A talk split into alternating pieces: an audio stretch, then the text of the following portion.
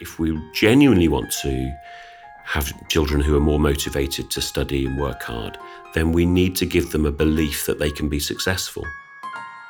Välkommen till Natur och kulturs podcast Akademiska kvarten. I den här podden ger vi dig en akademisk kvart med tongivande personer som har något viktigt att säga om svensk utbildning.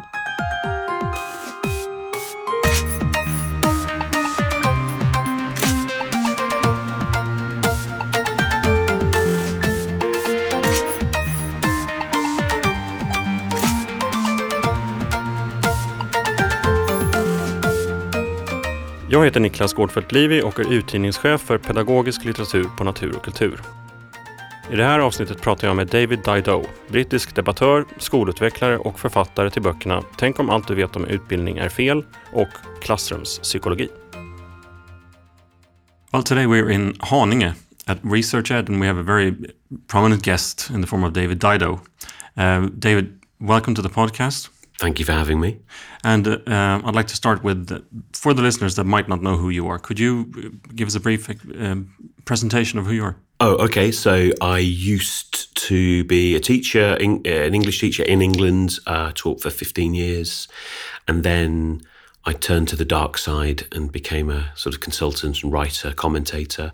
And I've written uh, several books about education, two of which have been translated into Swedish. Yes, and uh, we're proud to say that we are the publishers. You are, yes. Uh, one is called Tänk om allt du vet om utbildning är fel, uh, which I know is is abbreviated into the what if book uh, when people talk about it in English, right? I call it wrong book. Wrong book. All right. Yeah. Okay. And then we have uh, Klassrumspsykologi, which you have written with uh, another author called Nick Rose. Rose. Nick Rose. Yeah. And we I, we call that psych book. Yeah. uh, well, uh, let's talk a bit about both books, but I'd like to start at a um, um, at a different point. Uh, I mean, you did explain that you were once a, a teacher, and mm -hmm. now mm-hmm. you've moved over to the dark side, as you put it. But what I can also sense uh, is that you have a very strong kind of uh, idealistic drive in what you're doing. I mean, what what is it that's uh, what is it that motivates you? If you understand what I mean by that question. Okay. Um, well, I, on one level, I'm motivated by you know simple inquiry after truth. I'd like to. I like. You know, I want to know what's most likely to be true. But I'm also very motivated by ideas of social justice, and that um, if we leave things to chance, then the the, the young people in society who are most disadvantaged will be the most adversely affected by our decisions, and um, and so trying to mitigate against that is important to me. Mm. And implicit in what you're saying, I interpret that that means, for example, not listening to science in the way that you should be listening to science when it comes to teaching. Is that, is that uh, do I understand that correctly? Um, By saying, for example, that not listening to the cognitive cognitive science, for example, in relation to teaching and classrooms, then we are actually failing students. Oh yeah, so yeah, so I think ignoring. Um, so I think there are so there are some fairly clear uh, principles which are are most likely to be effective with most people, but the but the children that need them most are likely to be those who are most disadvantaged. So when we ignore them, we then create a system of systematic bias uh, in favour of children who are more privileged, and and I think that that's hard to defend when you become aware of it. Mm. I listened to Oliver Caviglioli say that there was a rediscovery of cognitive science amongst teachers in, in Britain in the uh, last decade. Yes. Uh, why is that, do you think? I think, hmm, interesting. Uh, why? So I can only speak for myself, but I'm, you know, my journey is very much a product of social media, and um, my te- in my teacher training and in my years of classroom practice, I wasn't aware of any of this research. I wasn't aware that there were debates about um, how effective teaching ought to it could be conducted. And it wasn't until I became aware of a, at the time, very small group of teachers who expressed a contrary view on social media that I started to read and started to consider sources of evidence that previously had, you know, it wasn't, I, you can't think about things that you don't know about. And, um, and so I was fortunate that, that the that peer-to-peer platform existed that there was the possibility to have those kinds of debates with educators across the globe, um, but also there were some really good sources of evidence. So one of the the first things that I read that really started to change the way I thought was Dan, Daniel Willingham's book "Why Don't Children Like School," and which he's a cognitive scientist at the University of Virginia, and he writes with incredible clarity and about some, you know, obviously quite difficult concepts and and very much has a busy classroom teacher in mind in his writing. And uh, that enabled me, that gave me the grounding to, to follow some of his references. And, and then I started to come across other things. And, you know, it's, I, I liken it to going down Alice's rabbit hole and in entering Wonderland. Mm. Speaking of that, um, being a busy uh, teacher, and uh, let's imagine that I bought both of your books. Okay. But I'm I'm mid semester stressed. I just don't have the the the mental space to take this in now. But I I would really like a few key takeaways. Right. Straight from the horse's mouth.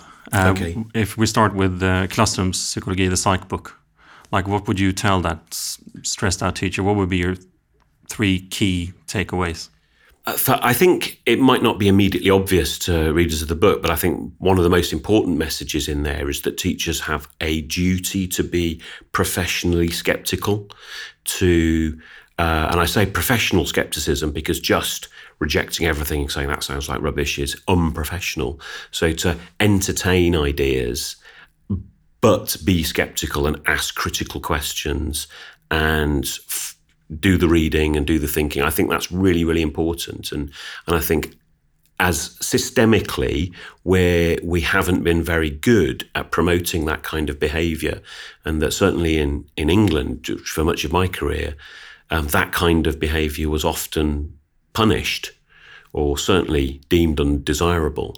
Um, but I think that I think it's a, a duty. Um, so so that would be the most important thing. I think the I suppose the the other big message is that there there is a fairly clear consensus about how children learn and how we can match our instruction to the way that they learn. And we tell that story in the first part of the book. And the other i suppose broad message is there's a much more inconsistent picture about issues like behavior and motivation and that requires much more critical engagement to kind of find a narrative thread. Mm. Okay, um, thank you. And uh, in relation to the um, wrong book, then. Uh, okay, so uh, I suppose the top takeaway there is that um, th- that we we're consistently and predictably wrong about all sorts of things, but we protect ourselves from finding out. Uh, again, in quite partic- predictable ways. And so that becoming aware of that is, I think, a, a good starting place in, in, a, in a teacher's education. Um, but I suppose one of the other most important takeaways is that um, learning is distinct from and connected to, but distinct from performance. So, what that means is that what children do in classrooms, whether they write essays or solve equations or play musical instruments or whatever else they do, doesn't predict very accurately or reliably what they'll be able to do elsewhere and later. And that once you understand that learning isn't something you can observe directly, because learning is about whether you can retain ideas, whether you can transfer them to new contexts, you can't see that in the here and now. All you can see is what children can currently do. And I think because of we can only see what children are currently do, much of education becomes overly concerned with what we can see and neglects the things that we find it harder to see. And and I would argue that the goals of education should be long term that we should be thinking much more about what are children going to remember? What are they going to be able to do in other contexts? And so making that in distinction between learning and performance is a is a real asset mm. in that regard. And um, I suppose the other big part of that book is is to tell the story of a concept called desirable difficulties, which is essentially um, a research finding that if you make effort which is followed by success, um, that seems to be particularly useful for future learning for for that for those qualities of retention and transfer for for those long term en, um, ends of education. So when you have to dredge in your memory to come to to to retrieve information, that builds the strength and the likelihood that that information will be accessible to you at a later date. And uh, and so there's you know there's a whole uh, wealth of information about how that might work and how you might apply that in your classroom. How do you avoid making uh, education into something that actually is demotivating for the students? Uh, well, that's hard because you operate within a framework and a structure that that you can't ignore. Um, so certainly in England, where we have standardised national exams at uh, at 16, um, if you're a teacher of teenagers and you ignore that, um, then you're unlikely to remain as a teacher. And also, I think it's probably doing children a huge disservice to neglect the likelihood of them achieving some academic success in those, you know, broad terms. Uh, but I think that when we when we can consider the idea of motivation, and it's a big concern for teachers. How do we engage young people? How do we motivate them to want to learn quadratic equations, or want to practice playing the piano, or want to you know learn more about different periods of history? And for the young people in question, they'd much they'd much prefer to you know play football or you know anything that is obviously more interesting. Um, that the mistake I think we make is to take the things that we want to learn and say, how can I make them exciting and fun? In the hope that this will somehow fool children almost into into learning, uh, and I think a much better approach is if we genuinely want to have children who are more motivated to study and work hard, then we need to give them a belief that they can be successful. Uh, so you know, one of the one of the things that I often say is that that um, success must precede struggle.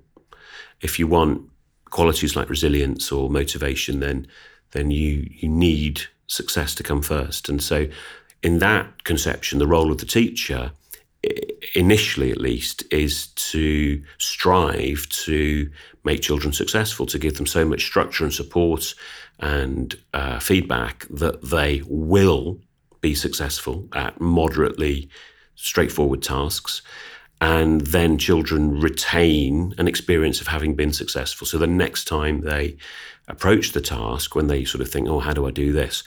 They have a memory of, oh, well, I did it before and it wasn't, you know, I did it. It was possible. Rather than, if we don't have this in mind, they can often think, well, I'm rubbish at maths. I, I, I can't do languages. I, I can't spell things like that, and therefore they they have that sense of learned helplessness. Mm. And so, so the starting point is about ensuring that students have a have a, an experience of success, and then once they've achieved some success, you can start to make things slightly more challenging for them. You can start to take away some of the structure and support that you've been giving them in order to say to them that those things that I've told you and shown you how to do, your job is to remember how to do them and to and to internalize them. Because if if you don't, if you remain dependent on me, then you're you're never going to be able to act with confidence out in the world. So it's a it's a case of piling in lots and lots of support at the beginning and then systematically taking it away over time. Mm. Uh, we're actually out of time. Thank you very much, David. You're very welcome. Thank you.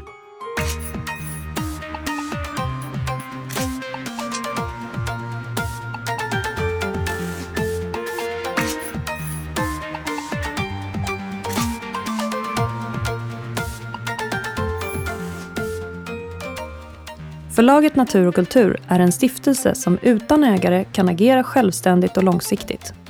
Vårt mål är att genom stöd, inspiration, utbildning och bildning verka för tolerans, humanism och demokrati.